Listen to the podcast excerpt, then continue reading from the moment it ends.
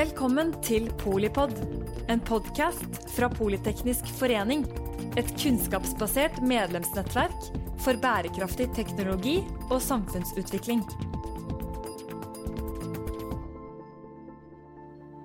Velkommen til eh, Polipod eh, direkte fra Arendalsuka. Vi skal snakke om eh, offshore havvind. Det er på alles lepper, men vi vil ha litt mer kjøtt på beinet. Da har vi med oss eh, Tove Røskaft, som er eh, administrerende i Aker Offshore Wind, en av de store aktørene. Eh, Tove, hva burde vi snakke om når vi snakker om politikk? Det er mye vi burde snakke om, men jeg tenker det er, hvis vi tar utgangspunkt i at det er jo ikke noe scenario i å finne løsning på klimakrisen som ikke inneholder utbygging av havvind. Så jeg tenker at noe av det som eh, jeg brenner litt for, det er jo eh, akselerering og tempoet og forutsigbarheten, særlig for norsk sokkel og for norsk leverandørindustri. Så det tenker jeg har vært litt fint å snakke om i dag. Ja, og hva, hva er liksom eh, innholdet i det? Hva Ja, altså jeg tenker jo liksom Nå er jo en av de tingene vi snakker mye om, ikke sant, det er jo hvordan vi skal kunne overføre mye av den kunnskapen vi f.eks. har tilegna oss gjennom olje- og gassvirksomheten, som har holdt på i fem tiår. Vi har gjort mye bra i den industrien, både fra politikken og for, fra rammeverket. Og hvordan vi på en måte har eh, klart å bygge en stor leverandørindustri, en Mhm. ekspert, eksportnasjon, og kompetanse som er anerkjent utenfor eh, Norges grenser. Og da tenker jeg liksom at det er litt viktig nå at vi får overført den kunnskapen vi har for å bygge opp en stor industri, og også til havvindindustrien.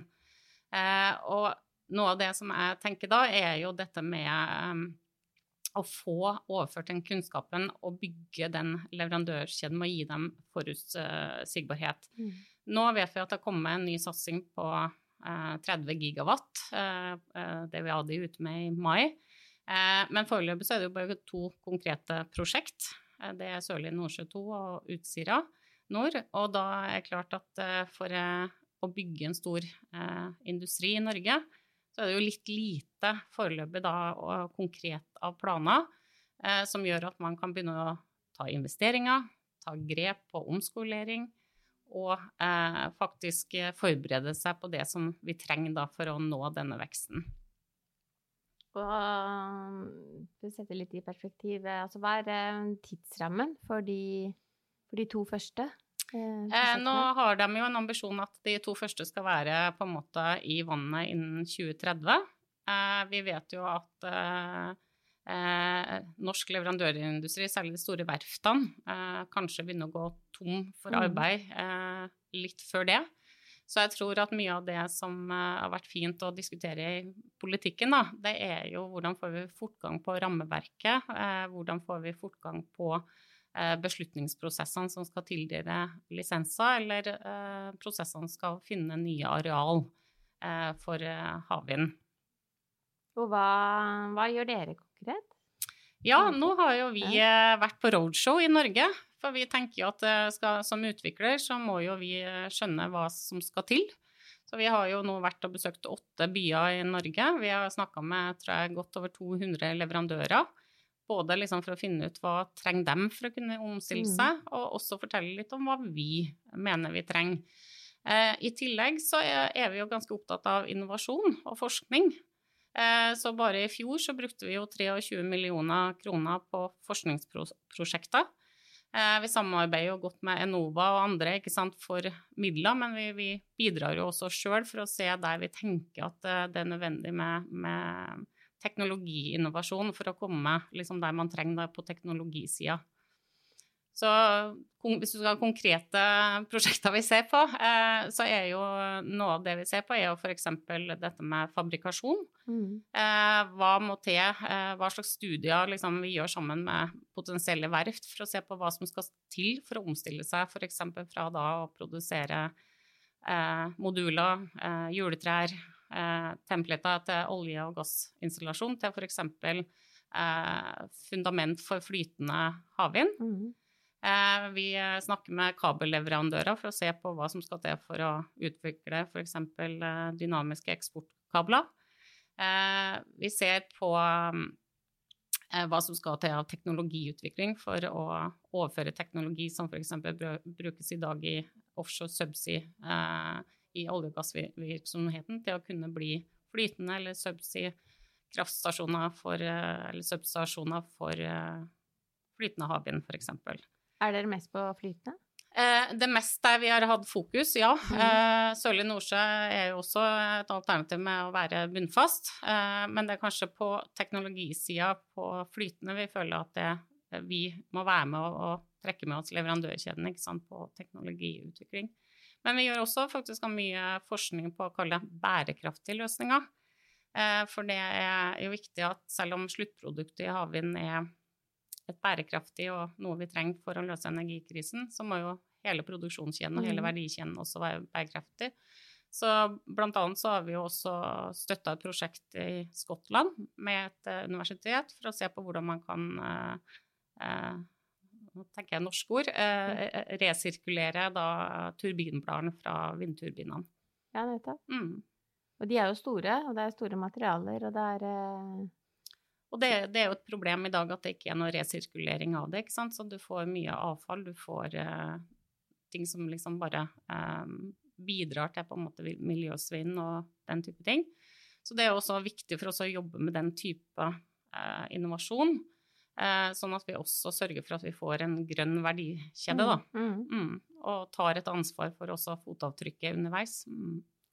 Altså fra de 30 gigawattene som er eh, kanskje en spedstart, da, eller en, eh, en, god start, får vi vel si. Det er en god start. Hva, hva er på en måte mulighetene? Er, hvor eh, stort potensial er det både på norsk sokkel og, og kanskje Nordsjøen? Ja, eh, altså det er jo I Europa så har de jo sett at det er Det er vel ambisjoner allerede nå som er uttalt som nærmer seg 400 gigawatt. Eh, og det er utenom det Norge har gått ut med. Eh, det er klart at vi har en kyst som er mm. fantastisk lang og er utsatt for mye god vind. Så vi er jo veldig ideelt plassert. Og så tenker jeg Norge er også veldig ideelt plassert i forhold til å kunne eksportere på sikt da eh, kraftoverskudd. Eh, men samtidig så må vi jo kanskje også bygge opp vår egen på en måte, eh, kraftbehov. Eh, og da er det jo klart at de to eh, områdene vi ser på i dag, er jo godt plassert. Mm. Men jeg tenker jo at man etter hvert må jo se nordover og se langs hele kysten og finne hvor det er kanskje mest behov for å, å kunne føre kraft inn til land, da, som et eksempel. Alternativet er jo selvsagt å også bygge ut uh, klynger som kan gi, uh, bidra til elektrifisering av petroleumsvirksomheten. Mm. Mm. Det er et um, Det er kult, syns jeg, at dere er så uh, hands on, ikke sant. og vi har snakket om havvind lenge, og vi har et stort en utålmodighet. Mm. og det merker vi her i Arendal òg. Det er mm. mange fremdeles som som snakker om det. Men det er flere som snakker eh, ordentlig om det, da, for å si det sånn. Ja. Jeg har jo liksom lest noen av rapportene som har kommet også i år, og jeg ser jo at eh, noen av dem syns kanskje at eh, er litt mer skeptisk til hva vi evner å omstille mm. i Norge, og at vi kanskje er litt for kjepphøye på at vi, vi bygger på olje- og gassvirksomhet. Jeg tenker jo liksom at skal vi være en internasjonal aktør, og vi satser jo utafor Norge også, så tror jeg faktisk vi må tørre å være litt fremoverlente. Eh, og vi må tørre å bygge på eh, det vi kan av kompetanse. Og så trenger vi kanskje ikke alltid å si at det kommer fra olje og gass, for at det vi er gode på i Norge, det er jo å bygge store prosjekt. Mm. Eh, vi er gode på å bygge opp leverandørindustri. Vi er gode på å omstille kompetanse, det har vi gjort før. og vi er gode på å kalle teknologilederskap. Så, så, det er jo mange av disse elementene som jeg tenker at vi tar med oss nå inn, uten å nødvendigvis si at det kommer fra den industrien eller en annen industri, men, men bygge på det vi ser vi har levert godt på på andre, um, i andre industrier, f.eks. Mm. Ja, og så har vi jo ressursene, som du sa. ikke mm. sant? Og vi er, de det er bokstavelig talt i farvann vi vet å, å operere i, da. Mm. Men det er en internasjonal konkurranse, og det er jo, et, eh, det er jo voldsomme veksttall eh, internasjonalt. Ja. Så hva tenker du om den eksportkomponenten? Kanskje ikke sånn krafteksport, men eh, teknologi, og- ja. leverandør, Eh. Eh, Nå kan jeg jo ta, bruke med litt min egen erfaring, da, eh, fra liksom hva her jeg har gjort i, i min tidligere liv. liv. -hmm. Eh, og det er klart at en av de tingene som jeg, jeg syns også er ganske fantastisk i Norge, det er jo at eh, vi har eh, eh, gode samarbeidspartnere som f.eks. Innovasjon Norge eller Norwep. Eh, vi, som gjør at når vi da ønsker oss ut i verden, så har vi noen som vi kan ta med oss og, og se på norsk leverandørindustri. Men jeg tror også at vi må tørre også da på en måte selge, eh, og så må vi bygge eh, konkurransefortrinn. Altså, vi har sett det før. Altså, det er lett å si at eh, kanskje Norge er dyre eh, internasjonalt, men, men vi vet at vi kan, hvis vi får opp effektivitet, eh, levere mm. kvalitet, så er det ikke sikkert at eh, de kostnadene er så dyre sammenlignet med an andre eh, land, hvor man faktisk kanskje har lavere effektivitet eller eh, har høyere på en måte kvalitetsutfordringer. Vi har jo god tradisjon i Norge både for eh, å ha sterkt fokus på HMS og på kvalitet, mm. og levere prosjekter i tide. Eh, så det er jo sånne ting som kan være med å bygge eh, Kalle en merkevare da, for mm. norske mm, leverandører. Og vi som da utvikler, sant, kan også promotere de ved at vi bruker dem også utenfor Norge. Og så er det vel noe rundt eh, tilliten rundt, eh, skal du si, stabile politiske rammer, Mm. eh, arbeidslivets eh, spilleregler, Mm. eh, og, så, og kanskje noe rundt eh, kunnskap og, og kompetanse, da. Det er jo Vil du gjort det samme om igjen? Ja, altså jeg angrer jo ikke et sekund på at jeg har bytta industri og Mm. bransje, og tenker at jeg kan jo også være et levende eksempel på at det går an å, Mm. å omstille seg og endre eh, industri og endre kompetansen sin, da. mm. Eh, og så tenker jeg det du sa med rammeverk, da, jeg tror det er veldig viktig. Og det der jeg tenker sånn politisk, da, så kunne kanskje også Norge vært litt mer fremoverlent i å ta en, en større rolle f.eks. i et internasjonalt samarbeid i hele Nordsjøen, og ikke bare på norsk sokkel. Mm. Eh, fordi jeg tror at også en av de tingene man ser som utvikler, er jo at i dag så er i og med at eh, særlig flytende, da, men også egentlig havvindindustrien internasjonalt, er veldig ulikt rammeverk. Det er veldig mange forskjellige eh, måter å utvikle og, og politikk de ulike landene har. Så jeg tror at liksom, hvis Norge også kunne ta, eh, være litt fremoverlent, særlig da eh, hva som ville vært eh, ja, Um, marked er naturlig å kunne eksportere til på sikt, f.eks. UK og Europa. Så det at hvis man da tok f.eks. et litt større ansvar for å være med å påvirke at man kanskje hadde litt likere regulative rammeverk, så ville det jo forenkla jobben med å kunne industrialisere, tenker jeg. Ja, og det er jo igjen eh, noe vi har eh, gjort på viktige næringer. Vi har gjort det på shipping, vi har Mm. gjort det på olje og gass. Mm. Det er jo eh, transnasjonale og etter hvert internasjonalt eh, rammeverk. Mm. Så det er jo sånn sett praktisk mulig. Og jeg hører jo litt vilje her også, da. Mm. Det jo, eh, men det handler jo om å prioritere, selvfølgelig. Men eh, dette med kompetanse Jeg syns jo det er eh, morsomt at eh, For det handler jo ikke bare om eh, utdanning og, og de aller yngste. Vi har et flott studentnettverk her i Politeknisk. Det, Mhm. eh, de tror jeg tenker veldig som deg. Mm. Eh, men så skal vi jo eh, jobbe lenge, og, og vi skal bidra også etter at vi har eh, hatt vår første utdannelse. Så, Mm. så hvordan jobber dere med kompetanseutvikling? Eh, vi jobber jo mye med studentmiljø, mm. egentlig både i Aker Offshore, men egentlig hele Aker-gruppa. Eh, Aker arrangerer jo hver høst noe de kaller Aker Talent, så til alle studenter ute der, det er søknadsfrist 1.9. Eh, og der eh, eh, er jo alle bedriftene i Aker-gruppa de eh, bidrar jo med en case-studie som disse eh, studentene da får å løse sammen. Og det er jo mye av de fremtidige si utfordringene vi ser. Det har vært mye fokus på det fornybare i eh, de siste åra.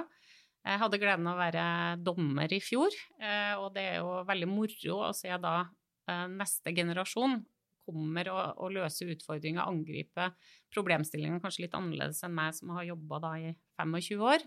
Eh, og det er jo Vi jobber også tett med mange andre universitet. Jeg nevnte kanskje universitetet i Skottland. Eh, og eh, det er også en viktig del av å komme ut og bli en internasjonal aktør, er jo også gjennom universitetsmiljøene. Både gjennom forskning, men også det med å da kunne få studenter som da er interessert i å komme og få en sommerjobb. Eh, på fredag så skal jeg ha gleden av å få presentert eh, hva årets sommerstudenter har jobba med. Som da er kalt Project Duckling, så det gleder jeg meg veldig til. Men, men, det er jo det som er viktig, tenker jeg, for oss som utviklere, at vi faktisk jobber med neste generasjon og, og hører hva er de interessert i. Hører også deres tanker. Eh, for det er deres fremtid som vi skal begynne å forberede og levere da, til neste generasjon. Og det er kanskje der jeg også tenker at ungdomspolitikerne eh, kunne ha vært på banen sammen med alle disse unge studentene og, mm. og, gitt litt innspill på hva de tenker det er fint vi begynner å ha på vår agenda da. Mm. Ja, for det er jo eh, det er ikke så lenge til 2030. Eh, I hvert fall sånn prosjekt- og prosessmessig så må det jo besluttes nå. Mm. Og så er det Eller i går. Ja. Mm. Så, men så kommer det jo Det er jo liksom ambisjonsnivå på, på industrien din på, mm. også etter 2030, da. Mm. Eh, hvis dette er litt sånn startfase. Mm. Så det er jo en um, hva, hvor stort eh, tenker dere, dere, det i retning 2050? Det er ikke sikkert det er du som sitter og er daglig leder da, men Nei, eh, forhåpentligvis ikke. Forhåpentligvis så er det kommet inn noen som er yngre. Ja. Altså jeg tenker, Hvis du tar, liksom, holder fortsatt litt i den med den der omskolering i ja. biten, da, så, så Eh, syns jeg jo var moro. Jeg har en sønn som i dag begynte på videregående, og når han skulle se på valg, så var det plutselig kommet en egen yrkesfag for eh, batteri. Mm. Så jeg tenker jo at eh, vi kanskje også kommer til å se at det er nye studieretninger både på yrkesfag, men også i, på høyere utdanning, som er eh, utdanninga vi i dag kanskje ikke har tenkt på. men for oss, ikke sant, vi har jo sett noen av disse rapportene tenke at 25% Det er flere titall tusen eh, arbeidstakere som skal inn i ny eh, omstilling. Eh, jeg har i tidligere karriere vært med på faktisk å omstille industri. Eh, vi bygde en produksjonsfabrikk i USA. Der fantes det ingen offshoreindustri eller kompetanse, men det fantes veldig mye kompetente eh, folk innenfor bilindustri og flyindustri. Og det, den omstillinga tok nok ikke så lang tid som man kanskje noen gang mm. tror. Så i løpet av tolv måneder hvor vi tok med oss noen nordmenn som kunne dette, som da eh, hadde litt på jobbopplæring i, i eh, produksjonsenheten, så ble jo de helt selvstendige og har eh, nå levert i over 20 år og leverer gode, gode produkter og god kvalitet. Så, så, derfor tenker jeg at vi kanskje ikke skal fokusere så mye på utfordringene, men hele mulighetsrommet for å få til den omstillinga, da. For det trenger ikke å ta så lang tid som man eh, kanskje noen gang tror. Nei, nedstengingen og, og korona, på en måte vanene våre, viste jo at vi eh, evnet å snu oss ganske raskt på mm. sånne det vi trodde skulle ta veldig lang tid. Mm. Eh, digitalisering og generell mm. teknologiutvikling eh, hjelper jo til i den både menneskelige og, og, og mer eh, jeg kaller det maskinomstillingen, da.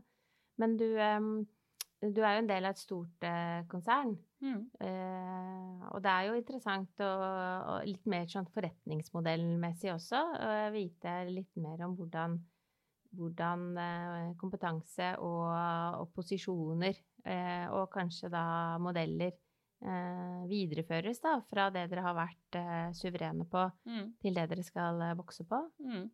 Altså, det er jo en masse fordeler med å være i en sånn stor eh, konsern og gruppe. Og, og, det at vi også nå har fått inn et stort fornybarselskap som uh, Mainstream, eh, gjør jo at eh, det er mye god erfaring man kan trekke andre aktører. Vi har mange gode interne nettverk som gjør at man kan dele informasjon og læring. Eh, og jeg tenker at det er også en ting som man kanskje skulle tenkt litt på tvers eh, i industrien. Altså Norge er ikke et stort land. Eh, mange av oss møter hverandre i ulike Mm. settinger, med, og det å få til samarbeidsmodeller og forretningsmodeller som var eh, kanskje litt nytenkende i forhold til det vi ser i dag, eh, og snakke sammen og, og løse en del av de utfordringene sammen på tvers, det tror jeg også kan bli viktig i fremtida. Det er jo musikk i en politeknikers eh, ører, selvfølgelig. Ja. Jo, men tverrfaglighet er jo ja. Og igjen så kommer jo litt, kall det litt den norske modellen, kanskje, da, med at vi faktisk eh, eh, har eh, tillit til og, og, og tør, eh, da. Kanskje ikke vi er sultne nok til enhver tid, men, eh, men det, er, det er ikke stor nedside i å, i å faktisk eh, jobbe sammen på tvers. Mm. Både internt og, og faglig, men også med, Mm. i partnerskap og, og Mm. setups. Hvis du eh, skal runde av litt da, i forhold til hva som er eh, hva som virkelig må til for å lykkes med litt sånn på egne vegne, men kanskje også på hele leverandørindustrien og, og kall det klimateknologiens eh, vegne. Mm. Eh, ja, da tenker jeg det som vi var inne på, altså summere opp det der med å få til en god akselerering av beslutningsprosesser, tildelingskriterier, få, få til en forutsigbarhet. Eh, jeg tror eh, både utviklersida og leverandørsida er klare til å ta fatt på denne reisen. Så vi må bare ha med oss eh, den regulative og den eh, offentlige sida i forhold til at eh, det går like raskt på begge sidene. Eh, jeg tenker det andre, altså, som vi var, berørte dette med kompetanseheving og kompetanseendring. Det å kunne samarbeide både offentlig og privat sektor på hvordan vi løser det på en god og effektiv måte. Jeg har, som jeg sa, erfart det tidligere, så det lar seg gjøre. Eh, og så tenker jeg det at eh, Norge godt kan være litt mer sånn fremoverlent, eh, også i eh, utvikling av hele Nordsjøen, først og fremst da, eh, med tanke på videre eksportmuligheter og eh, produksjon. Tre klare råd. Tusen takk, Tove Røskaft, administrerende direktør i Aker Offshore Wind. Takk skal du ha, Mette. Veldig hyggelig å få lov til å være her. Og tusen takk til deg som eh, hører på Polipodden eh, når du vil og hvor du vil. Jeg er eh, Mette Vågnes Eriksen, generalsekretær i Politeknisk forening. Og jeg sier på gjenhør. Takk for at du lyttet til Polipod fra Politeknisk forening. Få med deg flere episoder, eller bli med på nettverksmøtene som du finner på at polyteknisk.